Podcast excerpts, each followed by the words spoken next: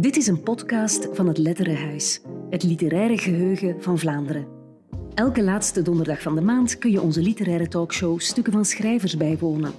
We spreken dan met vier bijzondere gasten over schrijven, lezen, vertalen, acteren en bewaren. Je kunt de talkshows hier opnieuw beluisteren. Heel veel plezier.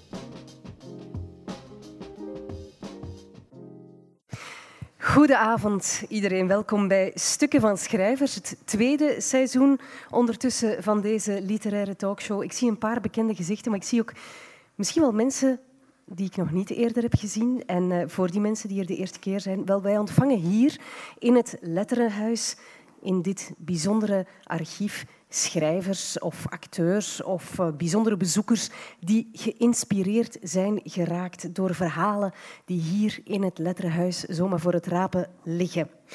Vandaag ontvangen wij kunstenares en journaliste Laura de Koning. Ze dook voor ons in de archieven van haar vader Herman de Koning. Acteur Peter van den Ede is ook een van onze gasten. Peter is stichter en artistiek leider van Compagnie de Koe. Nu al 30 jaar en daarom werd er een archiefboek gemaakt van uh, de, het theatergezelschap. Nu al 30 jaar dus. Hij komt daarover vertellen. Auteur Anne Provoost dook ook in het archief op zoek naar teksten over de kelder van het Lijsternest, het huis waar Stijn Streuvels ooit heeft gewoond. En daar heeft ze een perfecte verklaring voor. En Tom Lanois, een van onze meest gelezen auteurs. Maar voor welke auteur heeft hij nu zelf een boom? En nee, dat is geen hint. Wij komen het vanavond te weten. Allemaal van harte welkom. Goedenavond, Laura de Koning. Goedenavond. Goedenavond, Anne Provoost. Laura, we beginnen bij jou. Jij bent kunstenares. Deze zomer was je nog een van de, ja, de boegbeelden van het kunstenfestival uh, in Watou. Je hebt de affiche mogen ontwerpen van de, het kunstenfestival van Watou. Dat was heel bijzonder, denk ik. Ja, dat was een, uh, een grote eer. Ja. ja, dat is een hele zomer lang dat jij centraal staat. Ja, ja.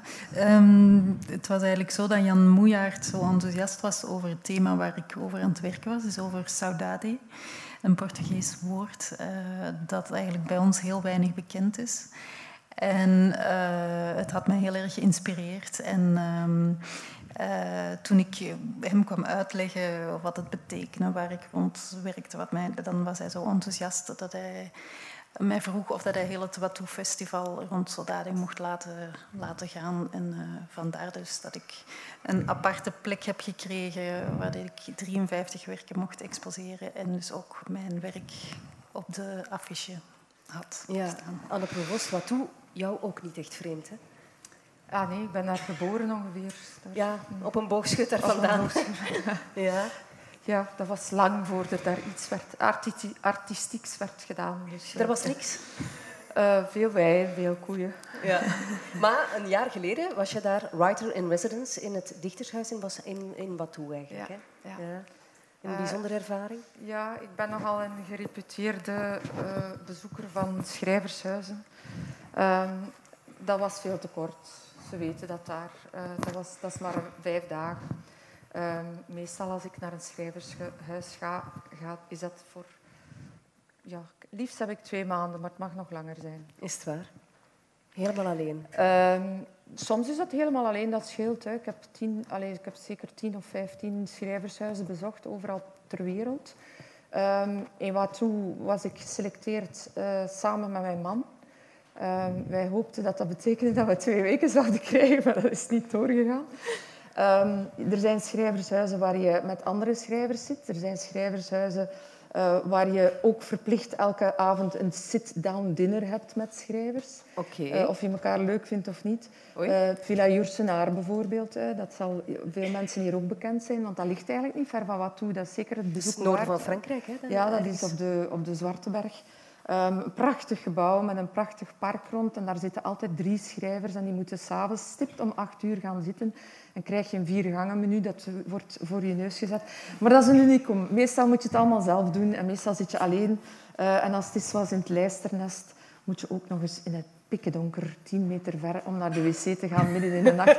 Dus uh, er is geen lijn op te trekken. Er zijn allerlei rare uh, schrijvershuizen. Maar wat toe, het is een, een bijzondere plek. Alleszins, Laura, jij hebt daar de hele zomer eigenlijk bijna vertoefd. Hè. Um, ook om jouw boek Saudade voor te stellen. Je zei het daarnet al, het is een Portugese term.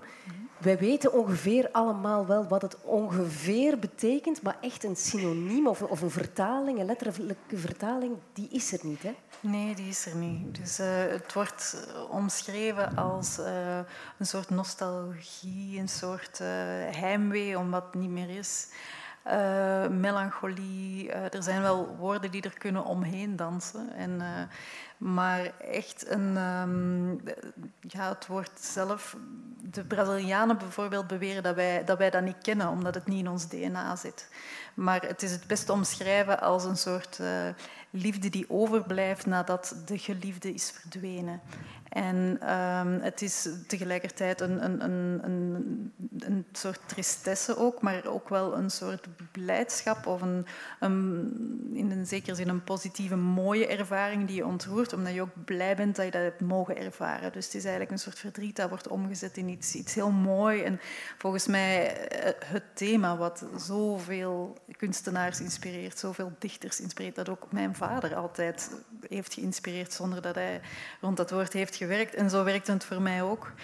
Uh, ik was bezig aan een reeks en, en um, uh, toen ik het woord tegenkwam, had ik ineens een, een gevoel van een soort thuiskomen. Van, dit is nu het woord dat de lading dekt. Hier ben ik, ben ik rond aan het werken en ineens krijgt, uh, heb je een noemer gevonden en wordt, wordt alles precies um, iets concreter. En, en, zo is het natuurlijk in onze taal, dat wanneer we er een woord voor hebben en we kunnen iets benoemen, krijgt het een houvast en, en, en, en wordt het concreter. En, en... Ook al is het een woord niet uit je eigen taal dan. Ja, inderdaad. Ja. Maar ik vind het zo'n mooi woord en... en uh, in uh, Portugal hebben ze zelfs een feestdag en daar uh, hebben ze er een hele mu muziekgenre voor. Want al de fado-muziek in uh, Portugal is gemaakt rond, rond saudade. Dus het, het soort bezingen van, van dat gevoel. En ik wou hetzelfde doen graag, maar dan in het, het, het in beeld gieten van een gevoel. Omdat ik ook altijd heel erg vanuit mijn gevoel werk. En, mijn vader had de, de, taal als, als een veel de concrete taal, maar uh, ik heb um, kleur en, en, en, beelden gebruikt om een soort gevoel te, te vertalen en, ja. en, op papier te zetten. Basiskleuren wel, hè, viel mij op. Rood, ja. blauw, zwart, ja. geel. Mm -hmm. Ik denk dat ik ze allemaal heb opgenoemd. Uh, ja. Beetje grijs? Toch ja, wel, ja, absoluut. Ja. Ja. Hoe komt dat? Um, ja, uh, het is niet dat ik er echt zo bij nadenk, maar uh, um, het is een soort eenvoud ergens dat ik zoek om met uh, heel expressieve kleuren te werken en kleuren die direct ook dat gevoel oproepen. Um, de rood staat symbool voor zoveel, staat hè, voor liefde en, en, en passie. En, uh, en, en, blauw is dan eerder weer uh, het, het, het, subtiele en wat het verlangen of een gemis of een, iets dat je dan niet kan mhm. vatten. Of, dus dat zijn al twee kleuren die eigenlijk volledig ja, de lading dekken. De lading dekken. En heel veel zwart en, en wit, maar ja, vooral toch die twee kleuren. Wat mij opviel, Laura, in het boek uh, staat er alleen aan, aan, de voorkant eigenlijk een heel klein, een paar regels mm -hmm. tekst van jouw vader. Ja. En dan spreken alleen de beelden voor zich. Hè? Ja, ja, dat was eigenlijk de bedoeling uh, om geen taal te gebruiken, maar uh, want ja, elk woord zou eigenlijk te veel zijn geweest. We zijn begonnen, of ik ben wel eerst begonnen om dat soms een gevoel alle kanten uitgaat en, en dat kan ook verlammend werken, uh, ben ik begonnen van een soort dagboekfragmenten om te, een verhaal wat te krijgen met een begin en een einde. Uh, en dan ben ik van die fragmenten uh, dat eigenlijk in beelden gaan omzetten of in gevoel gaan omzetten. Um, maar ja, dat... Um, die houvast had ik nodig, maar die taal uh, was op zich eerder een middel dan, uh, dan het, het, het ja, het, uiteindelijk waar het om ging. Dus in het begin heb ik even overwogen om enkele zinnen daarvan over te houden, van die fragmenten, omdat ze wel aan de basis lagen. Maar uh, dan kreeg je toch weer een verhaal dat je ging lezen. Um, en, en nee, dat was niet de bedoeling. De beelden moeten voor zich spreken, net omdat ik vind dat taal of de, de beelden um, moeten voor mij op een soort zachtere manier uh, communiceren over wat net onzichtbaar is. En uh, uh, dat was voor mij de essentie. Dat onzichtbare proberen vatten in een gevoel en, en die op een zachtere manier communiceert over de werkelijkheid, die meer de waarheid in pacht heeft. Of die, um, maar het woord saudade is wel een woord dat heel erg aanwezig is geweest. Um, ook omdat we dan bij de lancering van het boek een soort evenement hebben gedaan. Dat, we, dat ik had geprobeerd om die, um, dat woord te vatten. Dus door er omheen te dansen met de bedoeling om een soort mislukte pogingen te doen om het woord te proberen vatten en te benaderen. Waar ik wilde mee aantonen dat het eigenlijk dat, je, dat het onmogelijk was. Dus um, dat we het woord zelf nodig hadden. En dat er ook geen vervangwoord voor is. En daarvoor had ik dan wel hier en daar zinnen uh, laten drukken in een soort droogstempels, die dat dan in het boek konden worden aangebracht met een oude drukpers. Okay. En, uh, ja, dus dat is alleen voor de enkele kopers van die stempel die dan de onderliggende zin uh, als een soort afdruk van iets dat tijdelijk is, want het was niet in inkt gedrukt, het was dus eigenlijk in relief een, um, ja, een, een, een dieptedruk van een souvenir van iets dat is gepasseerd, maar ja. dat uh, niet meer tastbaar is. Heb ik het juist dat jij eigenlijk net hetzelfde doet als je vader, maar jij in beeld, hij met taal? Ja, ik, ik hoor het graag, maar uh, um, ja, het is een beetje wat ik probeer te doen. Hij was heel goed in woorden en ik, uh, ik heb die, dat talent niet op die manier, maar ik probeer uiteindelijk wel diezelfde gevoelens weer te geven. En ik, werk ook, ik merk ook heel erg dat dezelfde thema's helemaal terugkomen en dezelfde gevoeligheid die er aan ten gronde lag, dat ik die ook wel heb. En dat ik gewoon zoek naar een, een, een andere taal. En voor mij is het een beeldentaal. Ja, maar je wordt er ook een klein beetje toe gedwongen, want je, wordt, je werd ook gevraagd om beelden te maken ja. bij gedichten van je vader eigenlijk. Ja, ja, ja, inderdaad. Hoe moeilijk was dat of hoe makkelijk? Ja, ergens was ik ook opgelucht dat ik dat mocht doen, want uit eigen uh, initiatief zou ik nooit mij hebben gewaagd om gedichten van mijn vader te gaan vormgeven of daar rond te gaan tekenen.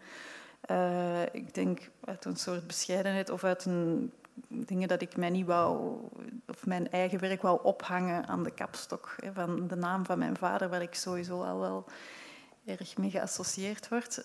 Um, maar toen ik dan uh, werd uitgenodigd, uh, of dat er mij verzocht werd om een selectie van gedichten te maken en daar beeldend werk rond te maken, um, was ik daar wel heel blij mee. En um, was het ook iets waar ik dan heel erg de smaak van te pakken heb gekregen. En ook, dat heeft mij eigenlijk aangezet om, om verder uh, vrijwerk ook te maken, omdat ik die werken of zijn gedichten, die waren in zekere zin ook heel autobiografisch voor mij. Dus ik gaf eigenlijk een, mijn eigen antwoord een beetje op, op de situatie die ik zelf ook van dichtbij had meegemaakt. Of van, uh, dus zijn gedichten waren dan weer aanleiding om een soort antwoord te bieden in een beeldentaal, dus op mijn manier. Dus het was ook een soort communicatie van de taal en de beeldentaal naast elkaar. Postuum dan? Ja, postuum. Een soort uh, ja. antwoord. Dus letterlijk ook, er waren een paar gedichten in die over mij gingen, waar dat ik dan mijn beeld op, als Jouw antwoord, antwoord op gaf en ook een ja. soort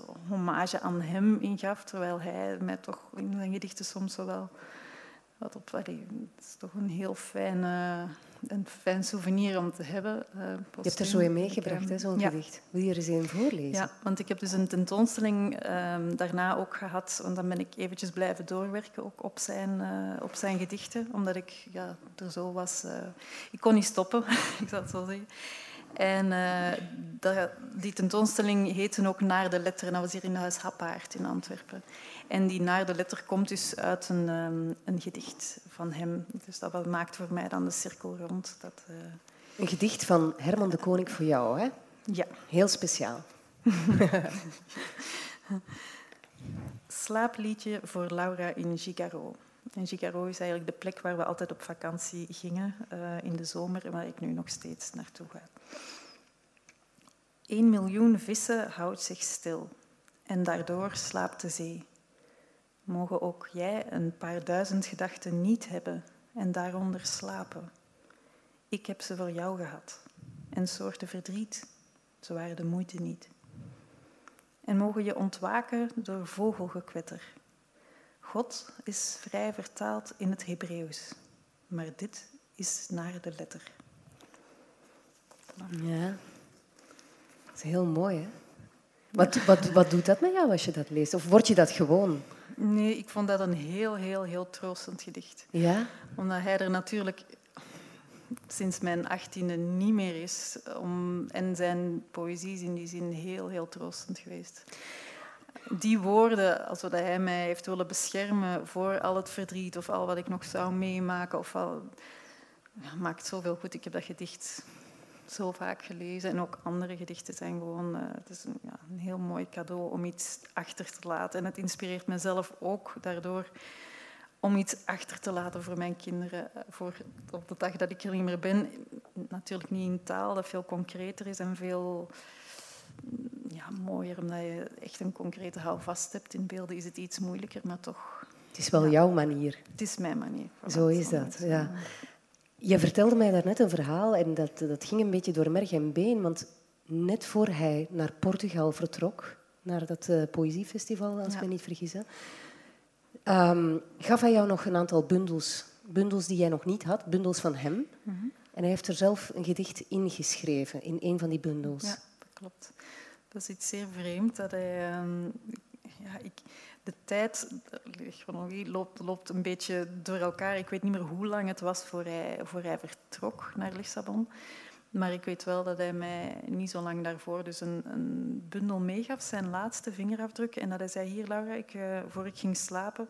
Maar hij gaf het mij zo terloops mee van, kijk, ik wil graag dat je het hebt en dat je het op je kamer hebt, hè, zodat je al mijn bundels hebt liggen, want het is toch ook voor jou. En ik weet dat ik het echt zo heb meegenomen. Ah ja, en hij zei, ja, ik heb er ook nog iets voor jou ingeschreven, een apart gedichtje. Dus ik heb daar zo vluchtig eens naar gekeken. En, en eh, of zelfs, misschien dat ik het zelfs niet heb gezien en dat het, hij mij het zo heeft meegegeven zonder iets bij te vertellen, dat, dat weet ik niet meer zo heel goed. Ik weet alleen dat ik het nadien uh, terugvond en dat er dus effectief een gedicht um, speciaal, hè, er stond zo bij, en nog één extra gedichtje speciaal voor jou. En dat het echt een soort afscheidsgedicht was. Dat hij um, toch uh, was aan het wachten op zijn dood en het ging over... Uh, uh, ja, ik lig erop te wachten, zoals linnen ligt te bleken te blijken. En dan zo, nog niet, nog niet, nog niet, zo gaat de harteklop uh, van de dood, die eigenlijk, um, ja, waar hij op ligt te wachten. Het was en, gewoon uh, profetisch. Ja, ja, en van... Uh, nu is, ja, ik kan het niet meer helemaal, ik zou het gedicht moeten, moeten hebben om, mm -hmm. maar ja, toch wel daar schrok ik toch wel van dat hij eigenlijk zo goed heeft aangevoeld dat, het, dat zijn einde dan toch wel nabij was. Ja. Is het nu voor jou een zegen of toch een heel klein beetje een zware last om die naam te dragen? Jij als kunstenares, de dochter van. Ja. Nee, het is absoluut een zegen in de zin van.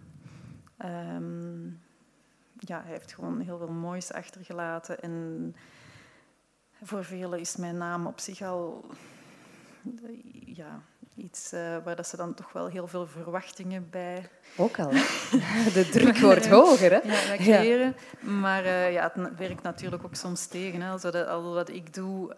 Um, ja, eigenlijk dat ik te danken heb aan hem. Uh, of als ik dan word vermeld ergens uh, onlangs in de internationale pers, in uh, NRC Handelsblad, dan zou ook heel het Sodade-woord volgens hen van mijn vader komen en dat ik dan verder werkte aan zijn cultureel erfgoed of zijn project. En dan denk ik, ja... Dan zou ik um, toch eens ehm, vloeken. Dan, ja, dat was van binnen dan lichtjes gevloekt. En er zijn natuurlijk altijd reacties die... Um, ja die, maar vooral toch wel heel veel positieve reacties. En ik krijg nog wekelijks te horen, denk ik, over eh, hoe zijn poëzie mensen heeft geïnspireerd, hoe mensen zo waren aangedaan door zijn werk. Zelfs onlangs had ik iemand die zei van... Oh, dat ze maar één keer in haar leven haar vader had, had weten huilen. En dat dat op het moment was dat, uh, dat hij op het nieuws hoorde dat Herman de Koning gestorven was. En als ik zo'n dingen hoor, dan ja, is gewoon wel heel, uh, heel, fijn dat hij, en heel bijzonder dat hij zo, wordt, zo geliefd was. En ja. dat dat eigenlijk door zoveel mensen wordt gedeeld en dat hij hem zo koesteren. En nog altijd blijft leven ook, hè? Ja. op die manier. Hm. Herman de Koning aan de provoost. Wie was dat voor jou? Um, de eerste dichter dat ik live heb zien optreden. Echt, ja? ja, ik zie, ik zie hem nog voor ons, voor ons zitten in de aula in Leuven. Ik zie nog zijn houding, zo, mhm. zijn losse hand. Ik weet niet of er een sigaret in zat, want ik weet niet of we toen rookten in de aula. Maar ja, dat, dat, natuurlijk, dat was onze held. Eh, dat was de, de poëzie die we begrepen en waar we eh, iets aan vast konden knopen dat zo concreet was en heel zijn levensverhaal ook, hè, met dat ongeluk met die vrouw en mhm. de gedachte dat je dat kon overkomen. Dat je dus uh, samen in een auto kon zitten en dat een van de twee... Het, was, het sprak geweldig tot de verbeelding. Ja, dat, is, uh, dat is mij toch wel bijgebleven. En ja, ik ben nu op een punt gekomen dat ik zelf begin poëzie te schrijven. Um, en ik denk dat onvermijdelijk wij allemaal met, met heel de generaties, wij, die taalspelletjes, de, de, de kleinheid, de lieflijkheid, de, de lichtvoetigheid, de, uh, de humor ook, dat wij dat allemaal in ons dragen. Want we, na hem zijn we allemaal beginnen durven. Daarvoor was poëzie, bon, ik ben niet goed ingelicht, hè, maar het was iets plechtstatigs. En, uh, het, moest, het moest heel diepzinnig ja. zijn en het moest met heel veel natuurbeschrijvingen. En ineens is daar zo'n zo'n zo'n vogeltje tussen, tussen al die grote... Uh, wat waren het? Kalkoenen of, of gieren. Of, uh, ik wil ze niet, niet neerbuigend over doen, maar het was wel iets, iets... Het waren vogels met gewicht en ineens komt daar die kolibrie tussen en dat is eigenlijk altijd, altijd zo gebleven. En ik denk dat wij daar, daardoor lef gekregen hebben in onze taal. Ja, Schrijvers, auteurs, ze spreken tot de verbeelding. Je zei het daarnet ook, het leven van schrijvers. Jij bent dat letterlijk gaan opzoeken. Twee maanden lang in het huis gewoond waar Stijn Streuvels meer dan 60 jaar lang heeft geleefd. Het Lijsternest mhm. in Ingooigen, voor West-Vlamingen onuitspreekbaar. Ah, ja, ah, ja dat is eigenlijk waar. dat is waar, hè? In, in Hooihem. Ja, ja. Uh, Waarom doe je zoiets? Wel, ik was eigenlijk proefkonijn. Hè? Um, er werd beslist om ervoor te zorgen dat er uh, writers in residence, schrijvers in, in residentie, uh, in het lijsternest konden gaan. Um, en ik had veel ervaring, zoals ik gezegd heb. Fluit ik niet te veel? Nee, het geeft een beetje rare... ik had veel ervaring met het wonen in schrijvershuizen en ze wisten dat bij de provincie, want dat was de provincie die dat organiseerde. Ze wisten dat ik heel goed wist wat een schrijver nodig heeft. Hè, want ik had mij, dat was, nu doet iedereen dat, hè, maar in die tijd, uh, de laptops, uh, toen ik begon met uh, ergens op verplaatsing schrijven, de laptops kwamen nog maar op, maar heel veel schrijvers wilden niet weg van huis, want ze konden een, een Vandales niet meepakken, want die waren veel te zwaar. Um, en die hadden naslagwerken en zo, er was nog niet veel digitaal beschikbaar. Maar ik was dat al volop aan het doen, want ik had kleine kinderen thuis en ik moest weg. Um, en ze wisten dat ik dus heel goed kon dienen als proefkonijn om een nieuw huis te testen omdat ik heel goed weet wat de noden zijn. En dat zijn soms heel stomme dingen. Dat kan zijn omdat het licht op de verkeerde hoek van je scherm valt. Of dat kan gaan over een stoel die niet aangepast is. Of een bed met een kuil in en waardoor de schrijver niet kan slapen. Maar dat is voor iedereen anders, natuurlijk. Uh, dat is ook zo. Maar er zijn een paar dingen die je altijd wel kunt weten en testen. Van, wat, is er, wat is het probleem?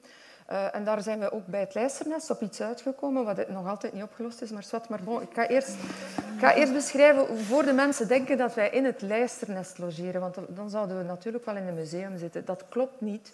Er is een, uh, het lijsternest was on, on, on, onaanraakbaar. Hè? Dat is helemaal gerenoveerd. En dat is helemaal teruggebracht naar de staat waarin het huis zich bevond op het moment dat Streuvel stierf. Ja, ik ben daar ooit eens geweest, maar dat is heel lang geleden. Ik dacht dat zijn pen daar nog lag op, op de schrijftafel. Dat klopt een beetje, en, ja, ja. En, en je ziet dat uitzicht, dat prachtige uitzicht van zijn schrijfkamer. Ja, die, die, dat fameuze liggende raam. Hè. Dat klopt een beetje, maar dan was natuurlijk, als je naar de foto's kijkt, was dat daar veel rommeliger dan dat dat nu is. Dus dat is een imitatie. Maar als ik zeg dat het authentiek is zoals toen is, ze hebben echt terug de badkamer... Want zijn vrouw heeft daar nog jaren gewoond na hem en die badkamer was ondertussen gemoderniseerd.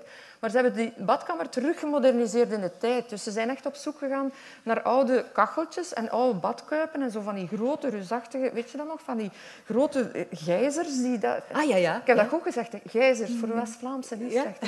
Dus dat hangt daar nu teruggemodelleerd in de tijd. Maar als schrijver mag je daar niet logeren. Ah, oké. Ik dacht dat, je daar logeerde. Je, er, is een, er was een hokje naast, dat eigenlijk vroeger zijn depot was. En waar hij, wat, wat, hij had een geitje, geloof ik. Hè? Geitje, weer goed gedaan. Uh, ik moet daar echt op letten, hè, als Vlaamse. Van, hoe schrijf je dat nu ook weer? Um, maar ik kan daar straks nog terug, op terugkomen. Het is daarom dat ik, dat ik, daar al mee speel met die gedachten. Maar in ieder geval, wij zitten naast het huis in dat uh, kotje, okay. kotje, koterij. Um, en om nu terug te komen op, op dus die die staat waarin dat huis is gebracht, doordat dat erfgoed is, is dat fameuze liggende raam niet mogen worden vervangen door dubbel glas.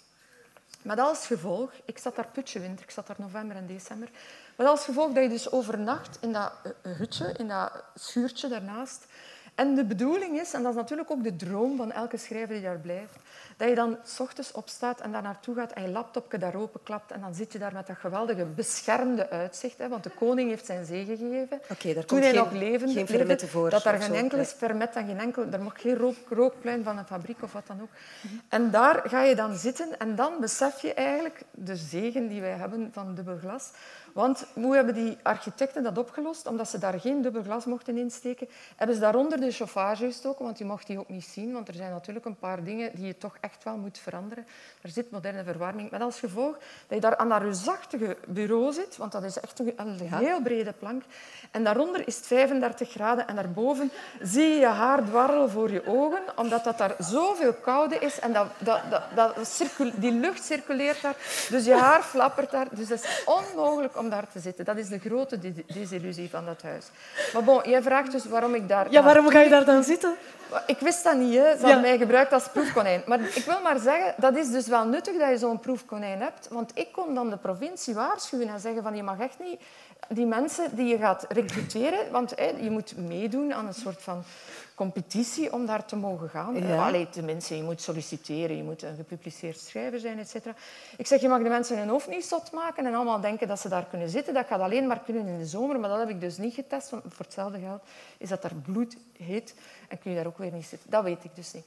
Maar in ieder geval, dat is niet geheel vrijwillig gebeurd. Zij hebben mij gecharterd, ze hebben mij uitgenodigd ja om dat daar te gaan testen. Ik heb dat gedaan en ter goeder trouw. Ik heb een hele lijst gemaakt van dingen die niet goed waren, die ze moesten veranderen, dingen die ze moesten aankopen, et cetera, mensen nodig hebben. Ja. Maar waarom wou ik dat dan toch wel doen? Want ik had natuurlijk wel vrije keuze en ik was niet verplicht. Nee, ja. Um, uh, en dat is eigenlijk omdat ik nog altijd uh, denk dat voor mij uh, Streuvels is, en nu ga ik spelen met die h en die h, we kunnen die dat niet goed anders nee. Voor ons, Streuvels voor mij, dat is een goddelijke schrijver.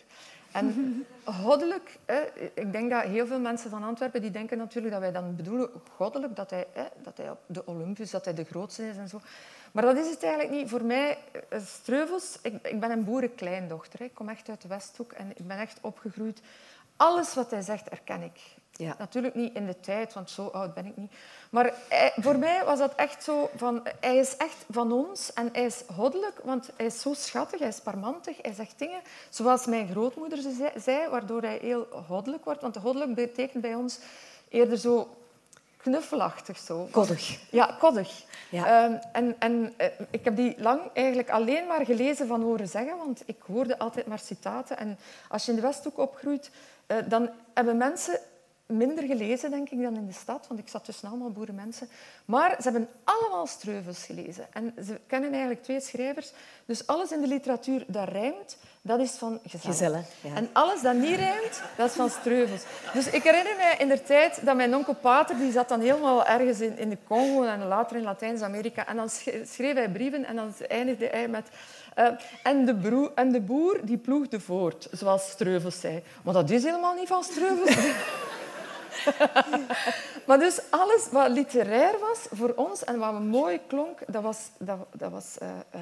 En ik blijf ervan overtuigd dat heel mijn generatie van al mijn voorouders, dus mijn, mijn grootmoeder en al mijn onkels en tantes, ik kom uit geweldige grote families, en die bleven allemaal ter plaatse. Ik ben opgegroeid op 400 meter van de geboorteplaats van mijn bed overgrootmoeder. Moet dat eens nagaan. Hè? En we zijn nog niet verder teruggegaan in de tijd. Maar ik Ja. denk dat mijn, mijn voorouders die komen echt van daarin. Ik ben er echt, eh, als je een, een, een, een generatie West-Vlaming wil zien, eh, wel, kijk naar mij, dat is er een. Eh, ik ben in Antwerpen komen wonen, ik nu in, woon in Borgerhout, dus ik heb echt, eh, ehm, ik heb echt een familietraditie verscheurd. Maar hij heeft aan heel al die mensen dat ik ken een woordenschat gegeven. Een kleine test. Heb jij iets van Streuvels gelezen ooit? vrees ervoor, nee. Wel in de lessen Nederlands besproken en fragmenten besproken, zo, dat we dat dan moesten Ja. lezen thuis en dat dan werd genomen. Maar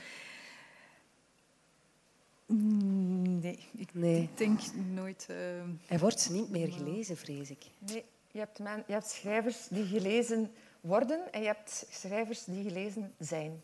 En hij is een schrijver die gelezen zijn.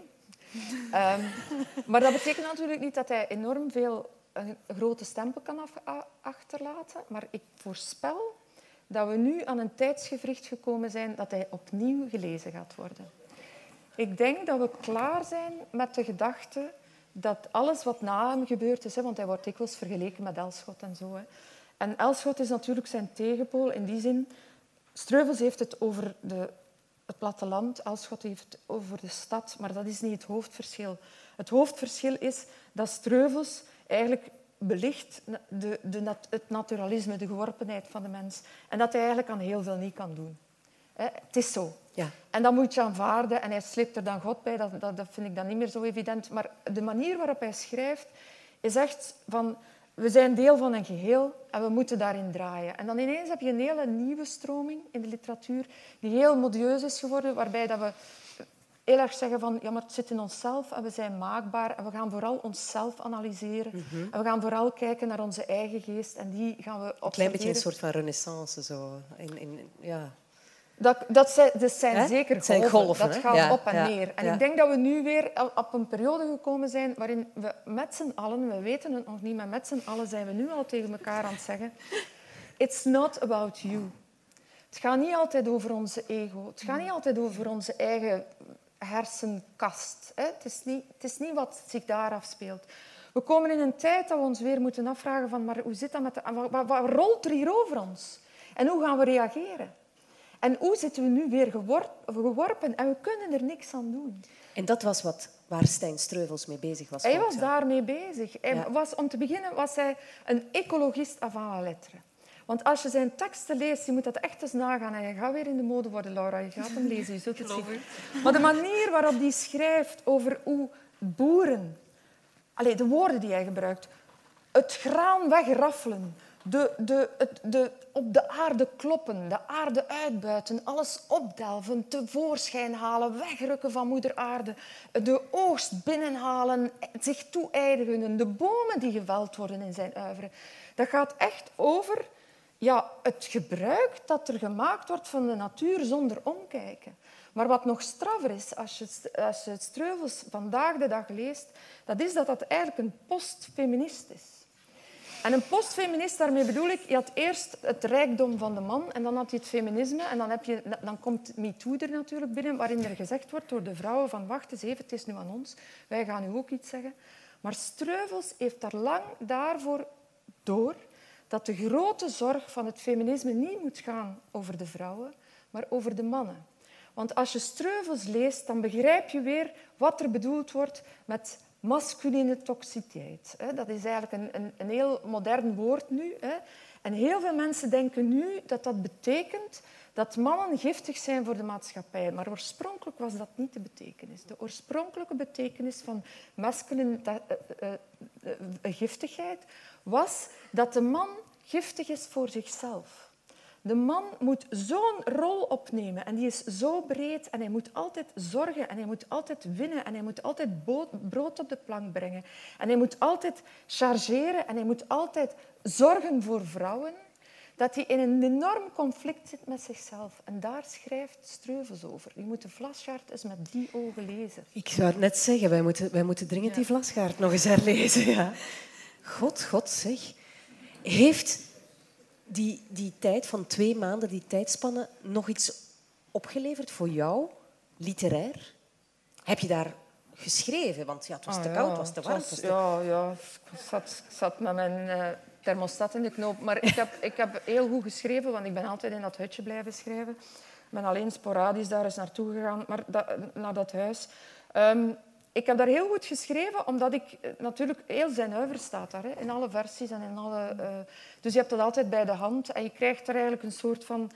Um, door daar te zijn en daardoor uh, iedereen in de zaal die hier tegenwoordig is en die ooit vindt dat er een bepaalde schrijver terug op een, op een voetstuk moet komen, raad ik je ten zeerste aan om zijn geboortehuis in te richten tot schrijvershuis, want dat werkt supergoed. Toen ik bij Joersenaar zat, ik had weinig gelezen van Joersenaar, maar ik heb alles gelezen van haar. Ik zit bij Streuvels. En door daar te zijn, door fysiek te zijn, door, door, door zijn gangen te lopen, door, door zijn, letterlijk in die voetstappen te treden, krijg je een ongelooflijk interesse voor die persoon. Dus we gaan dat nu zien met Teilinghuis, hopelijk ook met Waalschap en zo. Dat, dat helpt echt. En je krijgt eigenlijk een interesse in een auteur die je misschien zou vergeten, en in dit geval was het zo, maar die zoveel teruggeeft.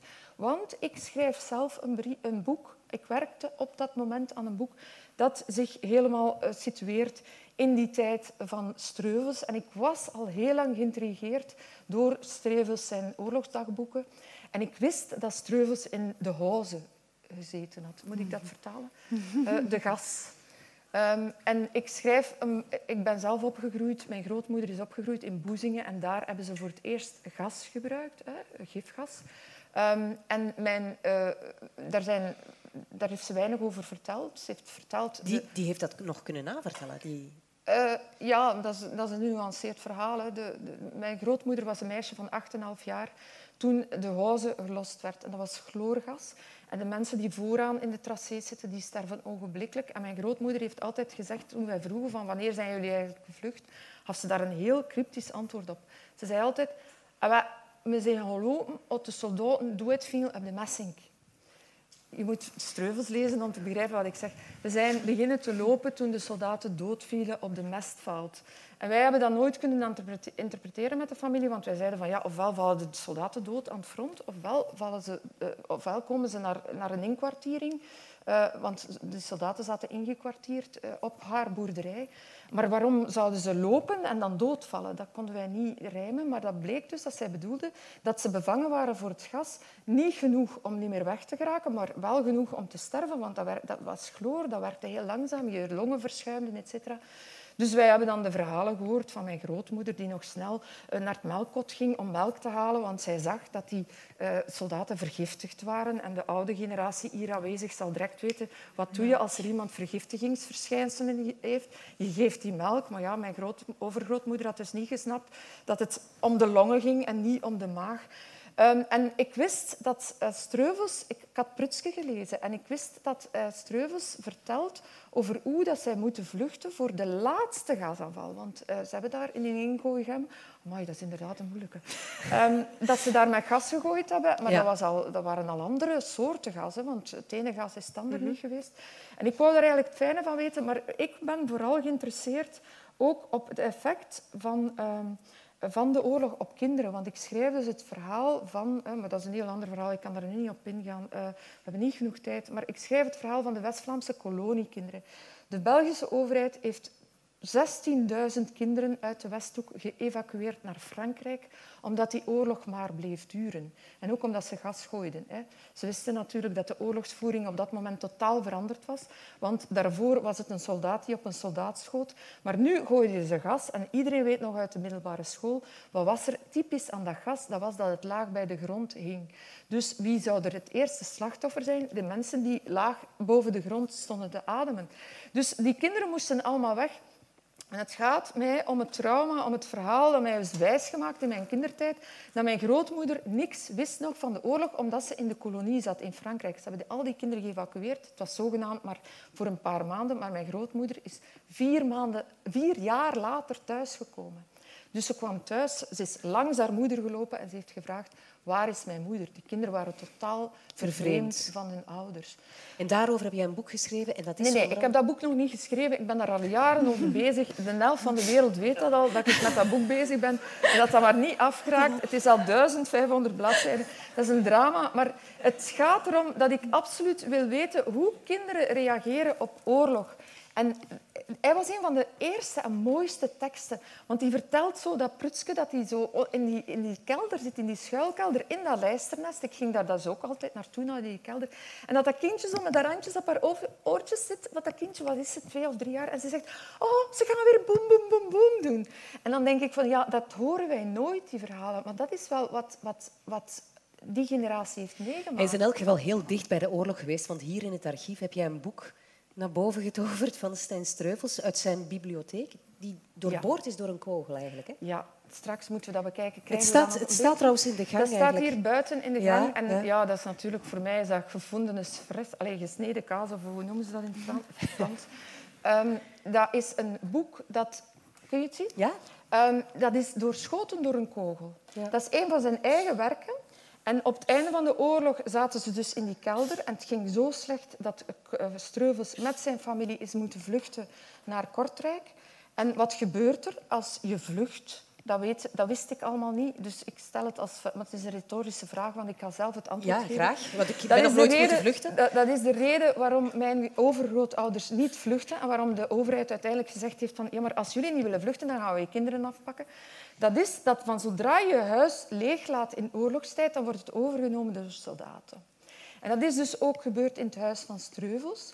En ze zijn daar blijkbaar aan het schieten geweest. En die rug van zijn eigen werk is helemaal doorboord. Er hangt nog een ander heel dramatisch verhaal aan vast. Er zijn hier schrijvers. Hè, Tom, jij zult, dat, jij zult kippenvel krijgen bij wat ik nu ga vertellen. Ehm, dat is dat uh, de, de soldaten hebben dus het huis overgepakt van Streuvels. En op jacht naar souvenirs zitten ze dan al de kasten open te trekken. En al zijn kattenbelletjes, waarin hij zijn aantekeningen voor zijn toekomstige boeken aan het schrijven was, hebben ze rondgegooid, want dat was niks waard. Ze hebben daar drie weken over gelopen. En toen is een officier in het huis gekomen en heeft gezegd dat hier is precies wel een schoon huis met een schoon uitzicht. Kunnen jullie hier die mestval dus uitkuisen? Ik wil hier komen logeren. En wat hebben die soldaten gedaan? Als een officier spreekt, zij voeren uit. Ze hebben al die kattenbelletjes en al die aantekeningen hebben ze samengeveegd en op de mesthoop gegooid. En hij is ze kwijt. Erg, hè? Ja. Nee, man. Uh, zijn hier nog schrijvers? Dat is het ergste dat je kan overkomen. Dat is al je grondstof. Nu doen we dat natuurlijk direct digitaal, juist om daar een backup van te kunnen maken. Maar ik herinner me, ik ben oud genoeg, ik herinner me nog de tijd dat je notitieboekje, dat was het meest kostbare dat je had. Want daar moest je van werken. Wij moeten dringend naar ingooien, denk ik, Laura. Je bent echt bezeten van... van... Ja, zalig, hè? Ja. Verdorie, wij zouden nog uren kunnen praten. Laura, wat ga jij nog doen? Wat staat er nog op uh, de agenda voor jou? Agenda. Um, uh, veel schilderen, denk ik. En ik ben um, ook aan een boek bezig voor kinderen. Um, Echt? Mythen en zagen, uh, Griekse mythen voor kinderen. En ik ben het aan het schrijven en aan het illustreren. Maar uh, ik ben er dus nog lang niet. Allee. Het is niet yes. voor de boekenbeurs nu. Nee. Oké. Okay. Ongeveer hetzelfde. Ik zeg het ook al een tijdje en uh, dan is er het boek Sodade en die tentoonstelling tussen gekomen en allemaal andere projecten. En nu dacht ik, ik pik de draad terug op. Maar het is nooit zo simpel om daar dan zo terug in te komen en, en het is toch wel helemaal anders. Maar uh, het voornemen is er. Nee, ik ben er echt wel uh, aan bezig. Maar... We kijken er alleszins heel erg naar uit. Anne Provoost, de kinderen van de IJzer. De IJzer, wanneer komt dat er dan? Over een jaar of zes. Daar kijken we dan ook al naar uit. Heel hard. Dank je wel voor jullie komst.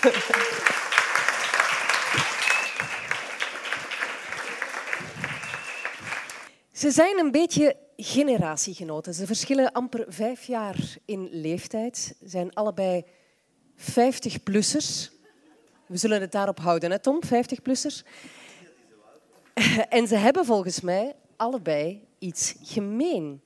Ze hebben nog altijd allebei die blik van een jongetje in zich. Een klein jongetje. Allebei hebben ze een passie voor taal en literatuur en allebei staan ze maar wat graag op een podium. Welkom Peter van den Ede en Tom Lanois.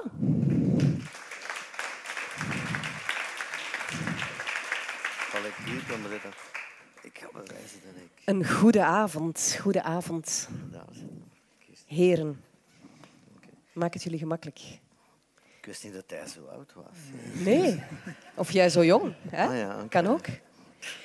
Dus het valt dan ook allemaal wel mee. Maar... Esmee, wat zing je fantastisch. Ja, hè? Echt ongelooflijk. Dat is toch waar, dat hoor je toch. Ja, ze zijn ook geweldig, maar schat, wat zingen geweldig. Mag ik nooit zeggen, is, is, is het nu mijn zijn het nu mijn, mijn hoe heet het, opvliegers in goed Nederlands. Hè? Mijn, mijn, maar het is ongelooflijk warm. Ja. ja. Kunnen er goed? ramen open? Is, vindt je het goed hier? Ja. ja. Die gewatteerde vest, ik word helemaal, ik word helemaal, ik word helemaal ziek. Ik ben een heel klein beetje ziek, dus vandaar waarschijnlijk. Ah, ja, ja, maar goed. Ja, ik word er ziek van. Sorry. Peter, mag ik jou feliciteren? Ja, zeker. Ja. 30 jaar Compagnie de Koe, een begrip in het theaterlandschap. En ik was mij zo aan het bedenken tijdens de voorbereiding, bestaan er nog theatergezelschappen in Vlaanderen die 30 jaar oud zijn en nog altijd met dezelfde mensen die uh, eigenlijk aan, aan, aan, aan, de geboorte stonden van de, het gezelschap uh, nog zijn. Buiten ons is het denk ik uh, exact even oud of een paar maanden jonger Stan. Theatergroep Stan. Stan ja. ja.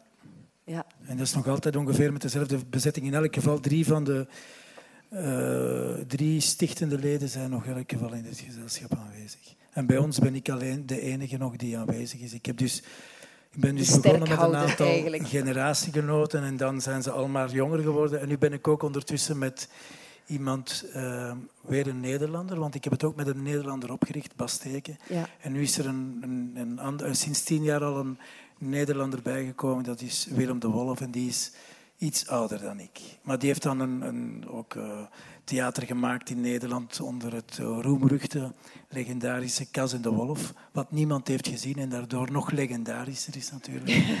Maar ik heb jullie eerste voorstelling, de biologie. Ik ook. Ik heb dat in de, in de Monty gezien, ik ken het nog heel goed. Ja. Ik heb dat ook gezien. Met Bas, ja. We hebben het onlangs dus uh, opnieuw gedaan naar aanleiding van het 30-jarig bestaan op de exactzelfde plaats waar we toen voor de eerste keer gespeeld hebben. Dat was in de Zwarte Zaal van de Singeling. Uh, 27, 28, 29 mei. En uh, voilà, misschien en iemand jullie hebben dus na 30 jaar die voorstelling herhaald? En we hebben die daar herhaald, uh, die exactzelfde data. Ja. Dus, oh, uh, en exact dezelfde manier van spelen? Het is te zeggen, we zijn natuurlijk geëvolueerd. Op dat, op dat moment vond ik het heel belangrijk. Bon, Bas en ik maakten echt een statement. Hè. We waren echt... We waren 26, 25 en 26 jaar. We wouden echt uh, ergens... We, voelden ons gewoon uh, onbegrepen in het, in het, door het landschap. We hadden eigenlijk een ongelooflijke opleiding genoten bij Dora van der Groen. Die, die nu, mocht ze nog leven, 92 jaar zijn. Dus dat was eigenlijk al een, een, een vrouw die zo... Um, um, nog een meisje was ook in die tijd en, en zo uh, visionair was en ook over theater dacht en over spelen dacht op een bijzondere manier. Zij had het dan echt ook van Herman Terling doorgekregen, maar dat jargon heeft ze dan gepersonaliseerd, heeft ze haar eigen gemaakt en, en haar eigen uh, ja, methode nog aan, aan toegevoegd. En uh, ja, dat die daar les van krijgen, dat was ongelooflijk. Als het klikte met haar, als het niet klikte, dan was het, dan was het ja. Sommige vrouwen hebben er ook heel veel problemen mee gehad. Maar, ja. Uh, maar nee, voor, voor, mij was het echt geweldig. En als je daar dan afgestudeerd en als je dan plots in het reguliere theater terechtkomt, dan voelt je je ongelooflijk eenzaam. En dan denk je, dit, dit klopt niet. En dan was het echt een kwestie van leven of dood. voor Bas en voor mij op een bepaald moment om een stuk te maken waarin we zouden laten zien, kijk, dit is hoe wij vinden dat theater zou moeten kunnen zijn. En dat wil zeggen, theater dat zich niet vasthoudt aan een bepaald repertoire. Jullie spelen niet de meeuw van Tsjechov, letterlijk. Of, nee, maar dat had niet alleen daarmee te maken. Inderdaad, dat ook. En dat was in die periode ook helemaal niet evident, want bijna alles was, was repertoire-theater. Dus en, uh, en dan nog op een, op een zeer traditionele manier nog eens. Dus dat begon toen al te wijzigen met Blauwe Maandag, de, ja, de Witte Kraai. Dirk Tange die experimenteerde. er waren toen al, maar dat waren allemaal mensen die ook uit het conservatorium kwamen. Ja. Dus Ivo, hè? Ivo van Ivo van Hoven, die is daar ook. Zijn eerste grote zaalproductie heeft hij in de single gemaakt. Dat is ook nog een, een verhaal apart met... met uh, met uh, zijn partner um, Jan, met Jan. Jan, Jan Ja, dat was ongelooflijk wat hij daar toen uh, voor elkaar gekregen heeft. Enfin, om naar modern theater te gaan, kwamen de mensen echt toen naar het conservatorium in Antwerpen. kwam op televisie, dat was echt iets speciaals wat daar gebeurde. Ja. Dus dat was nog de periode waar een toneelschool echt het verschil kon maken. En dat was daarvoor met, in de beginjaren van Herman Terling uh, ook het geval. Nu, op dit moment zijn de toneelscholen een beetje aan elkaar gewaagd of zo. Om de zoveel tijd heb je dat wel eens dat er... Eh, ja. Dat die, uh... Maar wat wij, wat wij toen deden, ja, dat was iets, iets... We wilden ook het, het toneel, een soort toneel dat, dat buiten de lijntjes kleurde, grensoverschrijdend denken, wat nu out of the box denken is of zo. Ja, ja. Maar, maar gewoon uh, theater dat tegelijkertijd ook, ook uh, ja, stand-up kon zijn of cabaret, zonder dat we daar op dat moment bij nadachten. Maar dat, dat... Jullie maakten jullie eigen teksten, hè? Wij maakten onze eigen teksten, ja. ja, ja. Dus, uh... En dan kijk ik even naar mijn buurman hier. Die maar ik herinner mij een briljante tekstbehandeling, maar de details ervan zijn enigszins verdrongen door het beeld dat jullie met lucifers uh, en geheel ontkleed in ah, elkaars anus aan het kijken waren. Ja. Het zou wel aan mij liggen, maar ik vond het inderdaad heel uh, indrukwekkend. Dus, uh, maar ik herinner me niks van de, de, de lied. Maar wat, was de vraag eigenlijk? Want voordat je... Ik al, ja, ja jouw fantasie. Moest dat even kwijt. Moest ja, ja, ja, Ik, ik, begrijp dat. Maar dat was zo, hè? was het bij de herneming ook zo? Dat is met de bij dezelfde, met Lucifers of Bunzenbranders? Nee, nee, met Lucifers. Ja, Nee, maar jij schrijft teksten voor theater. Ja. Ik denk bijvoorbeeld aan de oorlog en zo, waar die tekst uitermate belangrijk is. Hè? Ja, ik zeg altijd dat ik een post postdramatische auteur ben. Ja. Uh, omdat uh, ik eigenlijk, zoals... Maar ik, ik antwoord nu, heel, probeer ja, heel ernstig te antwoorden. Uh, mijn, in, in de beelden de kunst, ik weet daar niet veel van af. Maar van mijn idolen die ik daar heb, daar horen Marlene Malan bij. Uh, Marlene Malan, zeg ik Marlene Dumas. Marlene Malan is de vrouw van mijn vertaler daar. Uh, Marlene Dumas, Marlene Dumas en, en natuurlijk Tuymans, die alle verworvenheden van uh, wat cubisme en abstracte kunst was, hebben omgezet in de, in de heruitvinding van opnieuw figuratief schilderen. En ik vind dat, ik, was, ik heb het allemaal meegemaakt, al die, ik vond dat geweldig, maar voor mij was een belangrijk punt in heel die golf, was alles liebe van uh, het Reizend Volkstheater. Dat is de pre-Blauwe Maandag met Dirk Rooftoft en eigenlijk een van de eerste regies van Luc Perceval, ja. uh, een bewerking van Lope de Vega. En opnieuw, opeens zag ik daar, dankzij Guido die hier zit, heb ik dat gezien, ook in de Monty. Ik ontdekte opeens... Uh, dat er wel nog een rol zou zijn voor een auteur na die grote uh, tabula rasa die, die nodig was. Want ook Jan Faber hoort er natuurlijk bij. Uh, laten we dat moeten ze eigenlijk allemaal op. Dat is een onwaarschijnlijke en, reeks. En voor Jan Faber, uh, Bert Vermine.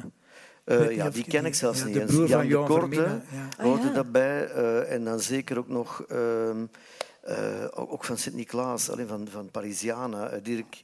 Nee, van Parisiana en, en Erik de Erik Volder. De Volder, Erik de Volder. Dus heel, die, heel die grote golf, dat is toch onwaarschijnlijk wat er mm. toen gebeurde. En als schrijver, iemand die... Ik hield ongelooflijk nog altijd van toneel, maar ik wil ook schrijven voor toneel. Maar ik denk dat er, wat er daar gebeurd is, is dat men het auteurstheater als monument heeft buitengezet en dat auteurs op een andere manier, en dan spreken we toch ook over Stefan Hertmans, ook over uh, Peter Verhelst, ook over uh, Annelies Verbeke nu, zijn terug binnengekomen.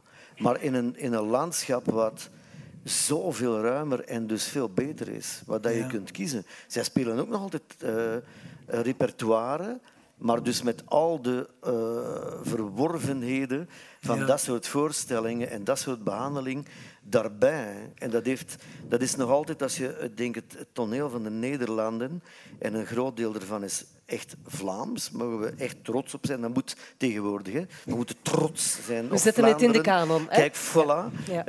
Uh, dat, is, dat is echt uh, op wereldniveau. Dat is toch ongelooflijk. Maar ik vind ook bijvoorbeeld de eerste keer, uh, de periode dat we elkaar leerden kennen persoonlijk, dat was ten, met het eind van de oorlog. En ik was er echt door gegrepen. Um, en eigenlijk uh, vooral door de taal en door de lengte natuurlijk. Ja. Ik was... Ja, nee, maar de lengte doet... Als ik één stuk zou gezien hebben... Als ik één, één stuk zou gezien... Als ik één deel zou gezien hebben, zou ik misschien minder onder de indruk zijn. Maar vooral door de taal was ik onder de indruk, omdat je teruggaat. En dat is wat er met het repertoire moet gebeuren, vind ik. Ja. Als je aan repertoire begint, dan moet, je, dan moet je dat durven kapot maken. Dan moet je dat durven openbreken. Dan moet je terug naar de oorspronkelijke schoonheid proberen te gaan. Naar de wortels van hoe dat tot, tot, tot stand is gekomen. En dan kan er iets, eventueel iets anders uitkomen. Tegelijkertijd is het Shakespeare en tegelijkertijd is het ook Tom dat daar ja, dat, dat, dat daar zijn, maar kijk, zonder zijn al die anderen, en er hoorde de koe zeker bij, en Stan en Ivo van Hoven, daar zou, zonder hen zou ik ja, die tenoorlog niet op die manier hebben kunnen maken. Ook nog mm. andere invalshoeken. Ik heb dat, allee, ja, dus natuurlijk, het is altijd, je, je kan maar echt iets vernieuwen als je de traditie kent. Ik had dan een aantal van die stukken op universiteit, ook nog van de grote legendarische professor Schriks. Ik weet niet of er mensen hier zijn die nog les hebben gekregen van professor Schriks. Dus als je dat allemaal samenvoegt, maar je hebt gezien hoe dat in het toneel, de traditie, zich hernieuwt in een andere aanpak van teksten. En je kan op basis daarvan gaan beginnen schrijven. Ja, dan sta je een enorme stap vooruit. Ja. 30 dus- jaar Compagnie de Koe. Uh, wat zegt een uh, toneelvereniging? We gaan dat vieren, maar met een boek. Ja. Ik was een beetje verbaasd. Wij ook. Ah ja? Nee, nee, want dat is natuurlijk een droom. Op een of andere manier wilt, denk je er altijd over na van oké, okay, hoe kunnen we eigenlijk onze kunstvorm, dat heel efemerisch, want we hebben natuurlijk allemaal die teksten geschreven, maar dat is gewoon op een bepaald moment, als het daar ligt in een brochure, dan is dat doodmateriaal. Al het archief, het is maar de manier hoe je dat archief beleeft, het verhaal dat je daar rond maakt. En, en dat maakt het levend. En, en, ehm, en ja, dan, dan was het ook een, een, denkoefening van op welke manier kunnen we tegelijkertijd iets, iets, iets vertellen over die 30 jaar Compagnie de Koe, zonder dat dat alleen maar een soort van bibliografie of een biografie wordt over wat we gedaan hebben. En, um, en dat was een, dus dan dachten we, we maken een boek over het maken van een boek over het maken van toneel. En, en dat is precies op welke manier we ook over toneel denken. Dat is precies de manier hoe we toneel maken. Dus eigenlijk als je zo'n boek leest, dan zie je, dan, ziet je, uh, dan kom je in de poëtica van ons, van ons, ja, van, van ons, uh, van ons denken, van, ons, van onze taal, van onze manier van omgaan met, met, met, met toneel. En hoe belangrijk vond je dat zelf om dat bij te houden, om dat te archiveren? We zitten hier in een archief natuurlijk. Ja. Dus ja, ik, dat die, ja, het is vooral een cadeau voor jezelf dat je eh, denkt okay. soms doet. Maar nee, nu, zijn we, nu zijn we bijzonder blij dat er zoveel goede reacties op zijn op het boek, omdat iedereen zegt ja, het is zoveel meer dan een normale een, normaal archief. Het, is, een gek boek, het is, echt een gek boek. Het is echt een, een boek, het is eigenlijk in dialoogvorm.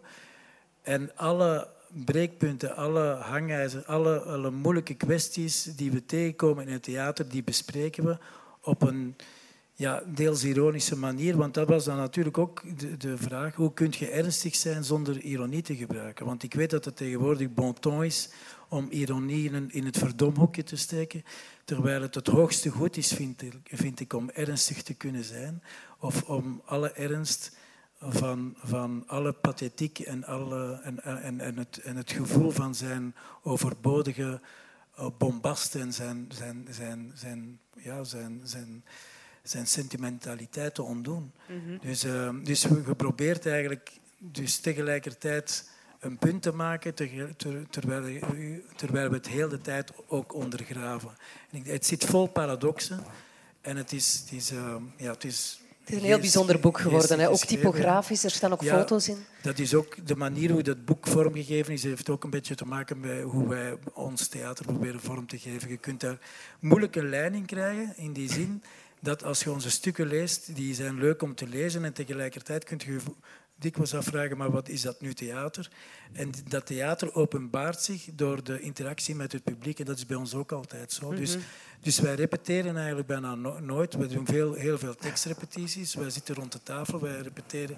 We doen heel veel tekstrepetities en dan maken wij een paar minimale afspraken met zo weinig mogelijk coördinaten eigenlijk zoveel, wereld, zoveel mogelijk wereld genereren. Wat we proberen te doen. En maar, maar die afspraken die, die, die, die technisch zijn, die repeteren we zeer goed. Die hebben dan dikwijls met dus muziek, met overgangen te maken. Overgangen, muziek, licht. Dat is allemaal heel, heel belangrijk. Dat zijn de bakens. En daartussenin ontstaat er iets uh, met de tekst, die, die, die wij eh, ja, ook bijzonder belangrijk vinden, omdat we, omdat we lang aan gewerkt hebben.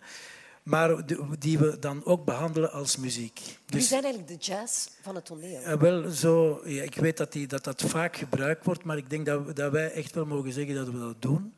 Omdat we ook de tekst letterlijk gebruiken als, en bekijken als een partituur. Okay. Dus in de muziek kun je je kunt muziek gelijktijdig schrijven, je kunt sporen over elkaar schrijven, maar dat is in, in taal niet, niet, mogelijk. Dus je moet echt de zin na de zin schrijven. Mhm. Dus, maar die zinnen die, die, die hebben een bepaalde volgorde, maar de dynamiek, hoe die zinnen worden uitgesproken, dat, dat ondervinden wij in interactie met het publiek, met uw medespeler, met het publiek. En niet alleen met het publiek, maar ook nog een keer gedifferentieerd met de toeschouwer. Want dat is, je hebt, het publiek hebt je nodig. Ja omdat dat, om, dat is de meeslepende factor. En de toeschouwer is een kritische factor. De, de toeschouwer is, degene die zich differentieert van het publiek. En, en eigenlijk denk je, maar is dat wel zo? Of die heb je ook nodig. En die, die hou je allemaal in de gaten? Die ze zeggen, dat is, een manier, dat is een attitude. Je zit daar niet over na te denken als je speelt. Maar je doet dat wel. Omdat je daar zo lang mee bezig bent, heb je het gevoel als je speelt dat je eigenlijk de mensen bijna persoonlijk aanspreekt, waardoor de mensen achteraf het gevoel, terwijl dat wij met elkaar hier ook aan het spreken zijn, waardoor de mensen achteraf het gevoel krijgen en, en als ze dat zeggen, dan is het voor mij gelukt. Ik had eigenlijk ook iets willen zeggen. Ja, en dan denk ik, ja, oké, dan is het dan tuned. Het gaat over tunen, hè. het gaat over een soort van eenheid, zoals Handke zegt.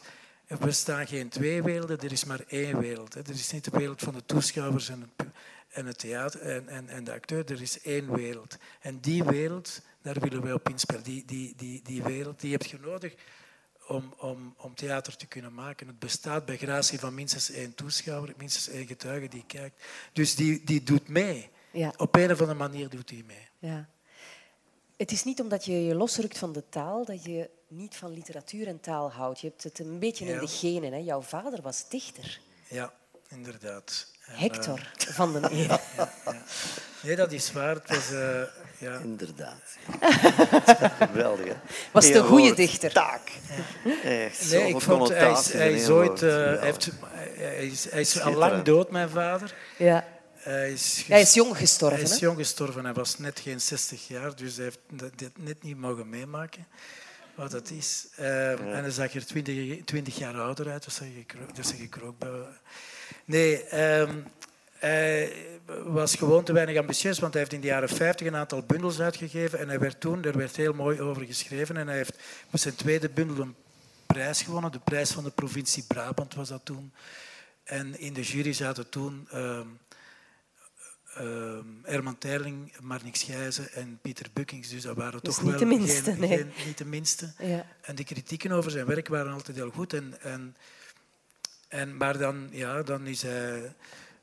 Ja, hij is gewoon, heeft heel veel geschreven, maar heeft dat niet meer uitgegeven. Ik kan me voorstellen, als zoon van, dat je dan ergens hier in zo'n archief van het Letterenhuis op zoek gaat.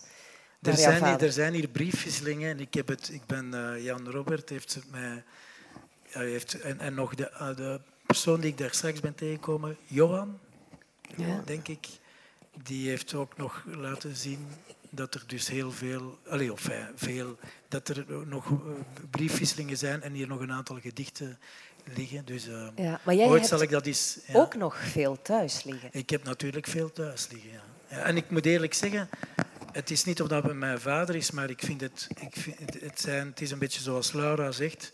Als mijn vader stierf, was dat voor mij ook de grote troost. Hè. Dat waren die gedichten. En dat, ik krijg daar nog altijd tranen in mijn ogen van als ik die teruglees. Ja. Is ook een gedicht aan mij geschreven. En het is een beetje een... Natuurlijk is dat oeuvre is dat heel, heel klein. Dat kun je niet vergelijken met uh, Herman de Koning. Maar dat, dat, dat, is, dat, zijn, dat, is, dat zijn wel mooie... Dat, hij, hij, kon het wel heel, heel goed, ja. Je kan er geen afstand van doen? Ik kan er geen afstand van doen, nee. Ken en ook gedicht, omdat ik ken je een gedicht uit je hoofd? Ja. Oh, mogen we dat horen? Ja, mogen we ja. het Sorry, hè. Dat vind ik nu... Nee, nee, dat vind ik ook goed. Ja. Ik speel weer als een kind in koren en les mijn dorst aan koekoeksbrood. En sleep mij dieper in de voren tussen de blauwbloem en het rood der klaprozen.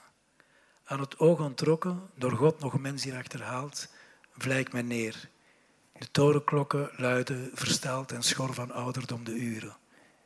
Ik weet plots hoe de stilte muren rondom mij heen heeft opgebouwd en dat ik, gevangen in dit woud, mij brand aan doodgewande vuren en dat ik eenzaam ben en oud.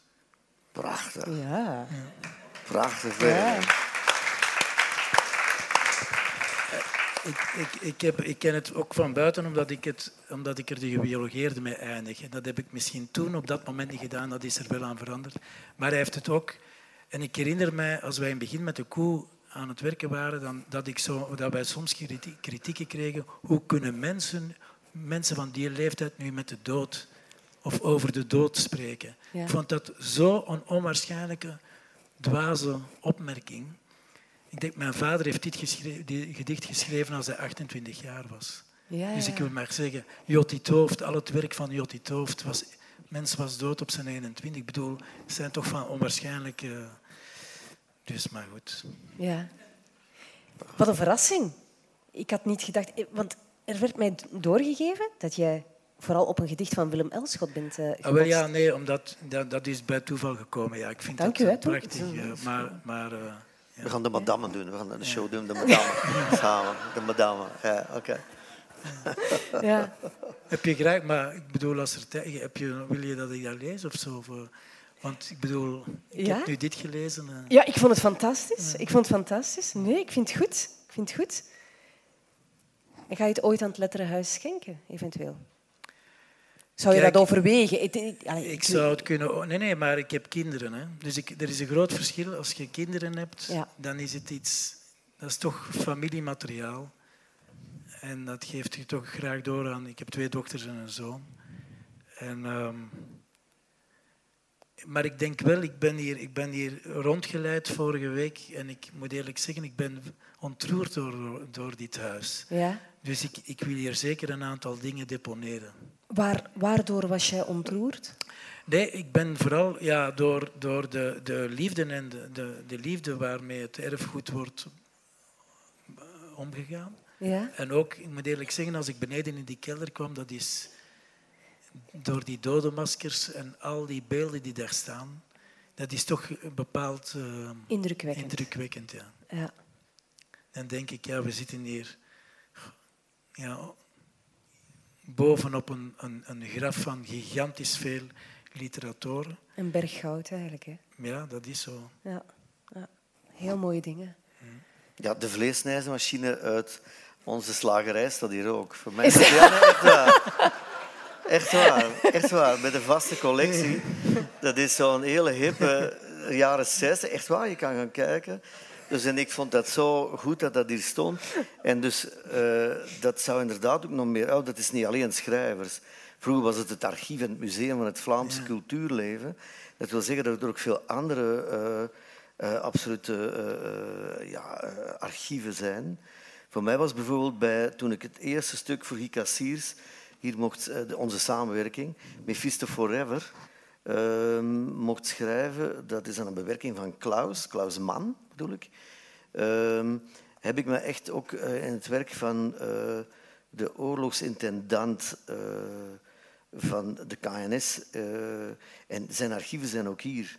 Dus ik heb toen eigenlijk ook de, de, zijn bewerkingen van Faust en zo gelezen. Dus het is, dat, was, dat is een heel uh, ingewikkelde... Of laten we daar niet over beginnen, over de Tweede Wereldoorlog. Maar het gaat over uh, dat, dat uiteraard zo'n huis en dat het zo levendig kan zijn dat er en een vleesnijmachine en zo avonden als deze kunnen gebeuren. En dan ook dodenmaskers natuurlijk, dat hoort er wel bij. Het is wonderlijk. Het is, wonderlijk. Het, uh, het, is een hele mooie collectie.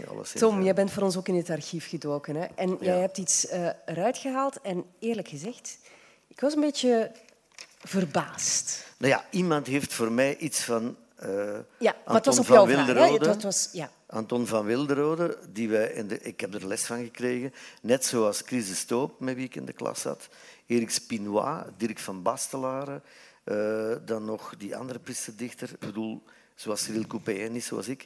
Uh, Vermeers, is het niet? José Vermeers? Zo? En, nou, whatever. En hij heet Cyril Coupé, hij was ook behoorlijke Vlaamse journalist, kunnen we wel zeggen. En dus men heeft een gedicht opgeduikeld van hem. Het staat ook in een van die mooie kastjes hier, waar dat stuk geschoten boek, iets van Elschot en dan een fotootje van Anton van Bilderode, die ik in kartonnen dozen, uh, Mussolini, zo noemden wij hem in de klas. Uh, daar waren de Vlaamse journalisten dan ontsteld over omdat ze dan dachten dat ik daar politiek iets mee bedoelde, wat ook klopte. Uh, het gedicht heet Herinnering. Ja. Ik ken het niet, maar ik zal het lezen. Ja. Zoals de vogelen en de vruchten, die keren in de vloed van de seizoenen, keer uw vluchten verhevigd in mijn bloed. Ik draag uw rijk en dierbaar deemster, gelijk een zekerheid. Al rooft gij, vurige vervreemdster, mij alle daad en tijd. Ik kan mij nimmer meer omgorden voor iets dat edel is. Ik ben gekwetst, ik ben verworden om een ontstentenis. Dat is nu iets wat ik ben er niet gewend van hem. Dat je drie keer moet lezen en wat vier, vijf betekenissen kan hebben. Ja, het is heel Dus ik vind het een heel rijk, maar een heel uh, atypisch gedicht voor hem. Ofwel zijn het heel, dat heet dan boekolische gedichten, waar we op een andere manier het platteland dan bij uh, Stijn Streuvels, van wie ik een absolute fan ben. Mocht Stijn Streuvels geschreven hebben in het Duits, dan zou dat nog altijd beschouwd worden als een grote, of de Russische bibliotheek, daar zou Stijn Hij wordt vergeleken met Tolstoy, hè, Ik vind, ja, dus misschien, maar goed, laten wij hem vergelijken met... Ja, maar dus, de Tolstoy van Ingooien. De, de Vlassa, de, het leven en de dood in de ast is ja. een ongelooflijke novelle. Ja, dus dat is... Maar daar zit altijd het grote, bijna Griekse drama van de mensen, het noodlot. Dat heb je zelden bij moet ik zeggen, mijn zeer goede leraar Anton van Wilderode. Het was maar vertel daar eens iets over. Wat, wat, wat, wat, voor een leraar was dat, Mussolini? Dat was iemand die de kanon in zijn laars lapte. In die zin dat er was een, een, een lesplan en uh, niemand durfde hem tegen te spreken, maar hij gaf Tolstoy en Kafka en Klaus en uh, Stijn Streuvels en Knut Hamsen natuurlijk. Uh, een, aantal, een aantal schrijvers dan niet. We hebben nooit iets van Boon in de klas gekregen. Ja, Gerard Reven, ja. Marquise de Sade lag ook niet in de bovenste schuif. uh, en dat soort, hè. Maar wel Hugo Claus, met groot respect voor de dicht. Ah, ja. Bert de Korte ben ik heel blij, uh, omdat ik die... Dat is iemand die dan ook weer politiek... Want we moeten eigenlijk de dingen benoemen zoals ze zijn. Ook als we over Streuvels en Elschot spreken. Je ziet daar de grote scheidingslijn, een van de vele uh, dan toch in onze literatuur. En dat is de stad en het platteland. Kijk, niet alleen België, ook Vlaanderen heeft twee democratieën. En dat is de stad en het platteland. Dat is nog altijd zo. En dan moeten we toch enigszins tot onze verbijstering opmerken dat degenen die ons een kanon niet alleen willen nu uh, aanpraten, maar hem ook gebruiken om mensen uit te sluiten, de nieuwkomers, dat die mensen dan als enige literaire verwijzing hebben in een starttekst die, ik zeg altijd hetzelfde, maar het klopt, lijkt geschreven te zijn door een kruising van een cocaïneverslaafde en iemand met een flamingantisch syndroom van Tourette, die echt Vlaanderen, Vlaanderen, Vlaanderen enzovoort, die dan als enige dichtregels weet op te, op te snorren, wijden als wiegende zeeën, hier vredige dorpkens, daar steen. Dat is steden, hè, voor de mensen die dat nemen. Dus dat je denkt, dit is dan het literaire voorstellingsvermogen, waarbij ook dat, de dorpkens zijn vredig En de steden laten we dan zomaar, en dat is een volledige tegenstrijd met die weiden en die vredigheid van de dorpkunst. Dat zit daar nog altijd in. En dus eigenlijk, uh, Van Wilderode, ik, ik, ik, vind dat nog altijd een raadsel. Die man was behalve dat soort uh, romantische nationalist tot in de klas. Dus wij hebben het jankverhaal van de collaboratie opgelepeld gekregen op ons 16 jaar door een priesterdichter. Die mocht hij in de oorlog geleefd hebben. Waarschijnlijk ook een aantal mensen naar het Oostfront zou geleuterd hebben. Goede leraar uh, literatuur, hoor. Uh, wat misschien Cyril Verschaven ook was, dat weet ik niet. Maar dus die wel tegelijkertijd uh, die wereldliteratuur gaf. Wel, maar wat dat deed dat dan? Wat deed dat bij Iedereen jou? begon te lezen. Echt? Omdat wij een begeesterde, ik zal het Germanisme gebruiken zoals het past, een begeesterde leraar Nederlands hadden. En dat was het hele college. We hadden goede leraren, grote vertellers, die die stof konden overbrengen. Als je nu spreekt met leraren, dat is dus echt met, ja, dat is met, met schermen en die moeten allemaal hetzelfde lespakket volgen. En je moet echt, zoals Dora van der Groen acteurs maakte, zo moeten we echt durven in het onderwijs toch meer ja, autonomie geven aan de leraar. En daar was voor, ja, Van Wilderode was een fantastische leraar en een behoorlijke dichter en een zeer goede vertaler. En voor de rest, ja, mocht er een kliklijn zijn geweest voor al te rechtse leraren, zou ik ze natuurlijk niet gebruikt hebben, want ik hou niet van kliklijnen. Maar die zou wel aangewezen geweest zijn tegen de vakbond, alle lulverhalen over België, die dus nog altijd op dat moment Vlaanderen en zo verder. Maar dat vond ik eigenlijk wel fascinerend. Ik heb er wel iets aan gehad. Maar heeft hij de, ja, de kiem water gegeven bij jou om, om met die literatuur verder te gaan? Luister, was, was die, hij... kiem, die kiem vertrekt natuurlijk vanuit die geweldige, ja, lichtjes excentrieke, totaal dominante, gekke moeder van mij. Ja. Die, Zoals als amateuractrice... Ja, maar iedereen heeft zijn, zijn, zijn eigen goden. En voor mij zijn dat absoluut, als het over de kunst gaat, eerst die moeder, Anton van Wilderode, en dan Gérard Mortier. Bien étonné de trouver ensemble. Dat is mijn drievuldigheid. Mensen die u opleiden en die blijven uh, zeggen van... Dat is een van de grootste geschenken uit mijn jeugd, is dat ik twee mensen, zowel mijn moeder als Anton van Wilderode, heb gehad, die op zeer jonge leeftijd voor mij dan zeiden kunst is belangrijk. En iemand uit de middenstand die zegt kunst is belangrijker dan het verkopen van saucissen en het geven van de juiste spaarzegels. Dat is echt zo fantastisch dat je dat Ja. kunt meekrijgen. Ja. En iemand die mij meenam naar theater, Ja. maar Anton van Wilderode, die in de klas voorlas. En die een, een wat rare stem had. Een soort karikatuur van Marlon Brando op, eh, met een kater ongeveer.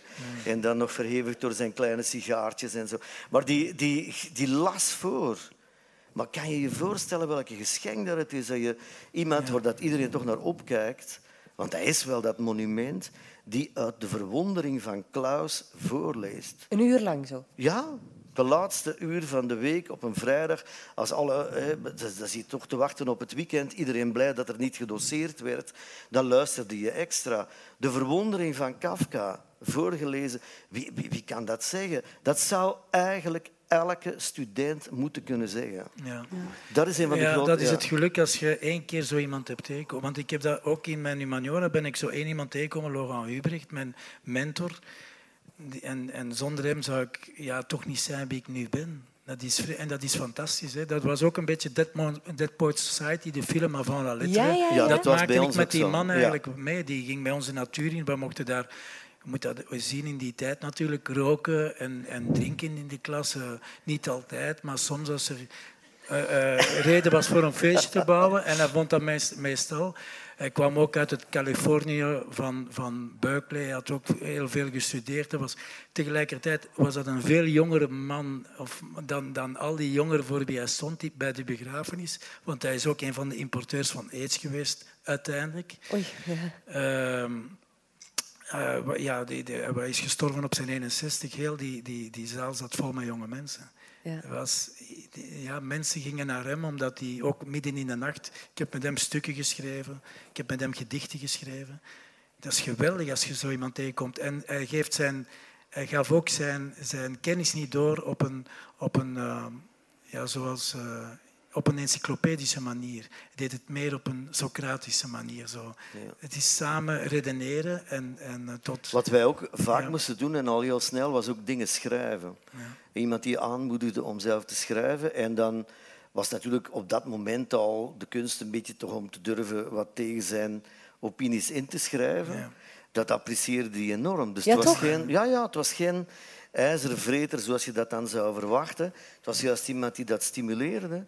En dat is ehm, nog altijd voor mij, als je dat allemaal samenneemt, wel wat het raadsel. Maar er is het raadsel genaamd cultuurflamingant. En als er nu iets uit aan het sterven is, of al totaal uitgestorven is, uh, op een paar uitzonderingen na, is het dat wel. Dat wil zeggen, mensen die cultuur niet alleen misbruiken om vervolgens aan of natievorming of uh, uh, uitstoten van ja. zoveel mogelijk. Want het gaat dan toch altijd om het lozen van moslims op een of andere manier, of het verhinderen dat ze binnenkomen. Mensen, de, mensen die werkelijk in kunst geïnteresseerd zijn en uh, ja, je stimuleren om jezelf erin te ontdekken. Ik weet niet of er nog veel plaats is bij het onderwijs om dat te doen. En nog eens, als ik... Allee... Ja, het wordt zo geregulariseerd. Er zijn zoveel eindtermen die moeten gehaald worden. Ze zijn zoveel met administratie bezig. De... Maar is er een weg terug? Ik, uh, oh, ja, dat, ik, zou, ik, zou, ja ik, ik, ik, heb de neiging om te zeggen ja, maar ik weet er natuurlijk niks van. Hoe moet je dat organiseren? Ik weet het niet, want er is een durf. Hè? Want een van de grote problemen van leraren op dit moment zijn de ouders. De ouders die vroeger wilden dat hun kinderen een kroost iets leerden. En nu willen ze dat die kinderen een diploma halen, zo probleemloos mogelijk. De, de, de hoeveelheid uh, leraren die ik ken, die een proces aan een been hebben, of die door de, door de directie gezegd worden van uh, geef maar een wat beter cijfer. Ja. En dat is dan allemaal in het, in, in, ook in het kader van we moeten, we moeten een elite kweken, maar dus de gang naar die elite, het moet moeilijk zijn voor alle anderen. Maar blijkbaar hebben al die mensen opeens alleen maar genieën als kinderen, ja. van wie het ondenkbaar is dat die eens gebuist zouden worden. Ja. Terwijl je als ouder niet ah, blij moet zijn dat die gebuist zijn, niet, want dan kan het aan je eigen genen liggen natuurlijk. Maar je moet ook, je moet ook weten dat het toch nodig is dat die uitgedaagd worden. En zo'n mensen als Van Wilderode, die, ja, die deed dat die wel. Deed dat. En ook jouw leraar, ben zijn naam even kwijt. Laurent Ubrecht. Ja. Ubrecht, ja. ja. Oké. Okay. Ja. Maar ik denk dat dat wel kan, hè, dat er periodes gaan komen dat er terug op zoek, op zoek gegaan wordt naar creativiteit. Hè. Dat, dat, dat, dat, dat we gaan inzien dat, het, dat zonder creativiteit het niet gaat lesgeven. Ja. Niet alleen op een kunstschool, maar ook in de humaniora. Dat is echt wel nodig. Je moet mensen die het talent hebben om het over te brengen, wat, wat ook Tom heeft meegemaakt met die Anton de Wilderode, dat zou nu niet gaan. Hè. Die zou nu, be, be, die, die zou nu er zijn er, die leraren, maar die hebben ja. het soms, vind ik... Ja, heel, heel moeilijk. Ja, maar die, die worden voortdurend terechtgewezen en tegengewerkt. Terwijl die tegen... Ja, het worden boeiende tijden, als ik het zo mag geloven. We gaan terug naar Stijn Streuvels, we gaan terug naar de tijd van Anton van Wilderod. Tenminste, dat willen we. Hè?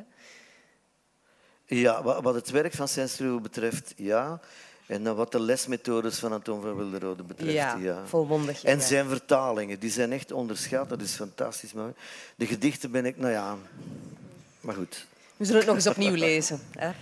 Goed, morgen, belangrijke dag voor jou. Ja première uh, van Wie is bang in het NTG? Ja, ik ben er niet, ik ga naar Portugal. ik ga naar Portugal. Dat is een heel ander verhaal. Ik ga het proberen kort. Wie, wie, een beetje van mijn werk heeft gelezen, weet dat ik een hele grote vriendschap heb met Marianne Taam.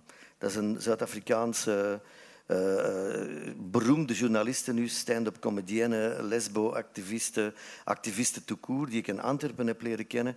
En voor wie mijn man en ik, René, ooit naar Zuid-Afrika gegaan zijn. Dat is intussen uh, van 92 af, hoe lang is het dan? 25 jaar? 27 jaar. 27 jaar. En die uh, heeft haar levensverhaal geschreven. Haar vader was een Duitse nazi, gevangen genomen in Arnhem, prisoner of war in Londen, na de oorlog er vrijgekomen en daar getrouwd met een ongeletterde Portugese werkster uit een communistische familie. Die zijn het, dan weet je al welk soort uh, fantastisch topwijf dat je hebt. Nee, nee, ze heeft dat geschreven. Ah, okay, dat is uh, ze heeft dat geschreven in het Nederlands. Het, ik heb haar jarenlang zitten aansporen. Schrijf dat nu. De ondraaglijke lichtheid van het bestaan. Een bewogen leven in het land van Mandela. Ik heb een voorwoord geschreven ook van mijn goede vriendin. En dus uh, die vader is nazi gebleven tot op het einde van zijn leven. Toen Marianne, nadat ze met haar vriendin eerst voorgesteld had dat René en ik kinderen met hun twee zouden maken. Sperma in een potje goed mengen en ei van de ene in de andere flikkeren. En als hij dan, het kind komt eruit en die is dan groot en blond en blauwe ogen, dan is het van mij. En als het een dwerg is met een bril, is het van René. Uh, uh, dus uh, wat zij, ze hebben, godzijdank hebben we dat niet gedaan. Ze hebben twee zwarte meisjes geadopteerd uit de overvolle weeshuizen. Die oudste is nu 16, de, de jongste 14. En dus Marianne heeft dat boek geschreven. Die vader van haar, die nazi, is op het einde van zijn leven, toen hij opeens twee zwarte kleinkinderen kreeg, helemaal zoals opa's dat moeten doen, verliefd geworden op zijn kleindochters. En heeft zijn grote, ja, zijn grote echte gesprekken gehad. Straf, hè? dat is een geweldig boek eigenlijk. Je moet dat allemaal lezen, die van mij tot aan toe. Maar dus Marianne, de ondraaglijke lichtheid, eh, blankheid van het bestaan. En uh, zij is nu op zoek naar haar moeder en naar de roots van de moeder. En dat komt omdat toen het boek uitkwam in vertaling, is ze naar hier gekomen. Ze is op de afspraak geraakt en in Nederland heb ik allemaal voor gezorgd. En we zijn in Antwerpen uh, op bezoek gegaan naar de verschillende toeristische highlights en dus de kathedraal. De Onze Lieve Vrouw-kathedraal. Waar zij toch een beetje crypto-katholiek een kaars aansteekt. Ik moest er ook een aansteken voor mijn moeder, voor haar moeder. En sinds dan, beweert ze, is, uh, zijn er allerlei mensen die door dat boek in Portugal haar op het spoor zijn gekomen. En dat zijn dochters van de oude vriendinnen van haar moeder uit dat dorp. En we gaan dus naar dat dorp. Uh, van Lissabon. En er is nog een Belgische link, want er blijkt dan een of andere mijnbaron door een heel dorp, uh, om te oefenen voor Congo, denk ik dan, uh, onderdrukt te hebben en uitgebuit te hebben. Het is een ongelooflijk verhaal. Zij gaat daar binnenkort een boek over schrijven. Ja. Ja? Jij mist dus de première in het Intelligent, ja. maar je hebt die al gezien in Nederland, want het komt eigenlijk van Nederland. Voilà. Ik moet eigenlijk reclame maken, dus je hebt gelijk hoor. Voor Wie is bang? een stuk wat ik geschreven heb voor Els Dottermans en Han Kerkhoffs.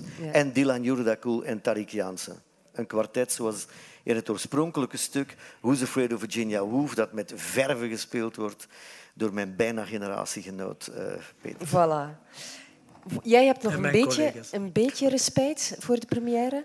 5 november is het zover in de, de KAI-studio's ja, in Brussel. Ik wil nog eventjes zeggen dat, dat uh, het voorstel gedaan werd.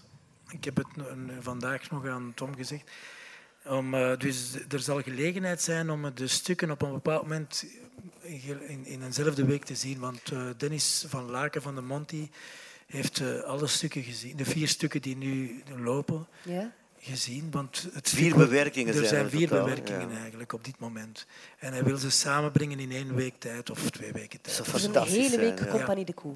Nee, nee. En, en het stuk ah, Wie is bang Komt de vier, de vier ja. versies. KVS maakt erin, die moet nog in première gaan. Ah, Met Zoet, heel interessant qua opzet. En dan, ik heb het niet gezien in het Theater aan ah, Zee, maar waren jonge gasten die Ja, het, het zijn er eigenlijk vijf. Ik weet, ja, want die, die jonge gasten in het theater die hebben dat ook prachtig gedaan. Ja. Echt op een manier dat ik het nooit zelf zou gedurfd hebben. En dat is wel, wel... Maar ik had het over seksen.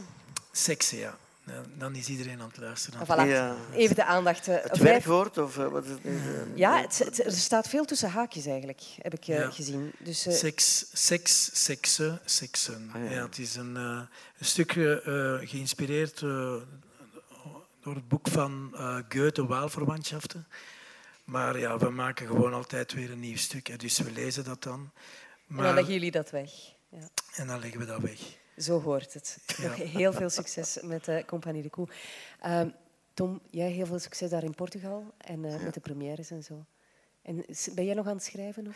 Ik uh, ben heel veel aan het plannen voor toneel. Ik ga een, uh, een libretto-monoloog schrijven voor Stefan de Gant als Napoleon. Ah, ja. wat moet uitlopen dan in Ludwig van Beethoven zijn Eroica. Dus nieuwe muziek. En dan, ik mag niet te veel verklappen. Ik ga de, de hele Faust bewerken. Ik mag het nu zeggen, het is rond voor Teu Boermans. Daar moet ik ook aan beginnen. Ik ga eindelijk voor Tutti Fratelli, Och, voor uh, onze Renilt iets maken. Dus het is heel veel toneel wat eraan komt. En tussendoor heb ik een nieuw hobbyproject. Dat is, uh, en dat gaat ook nog door voor we naar Kaapstad dan vertrekken. Dat is um, de Midi de la Poëzie. Dat is een heel lange traditie in Beaux-Arts in, uh, in Brussel. Die nodigen dichters uit om dichters te presenteren.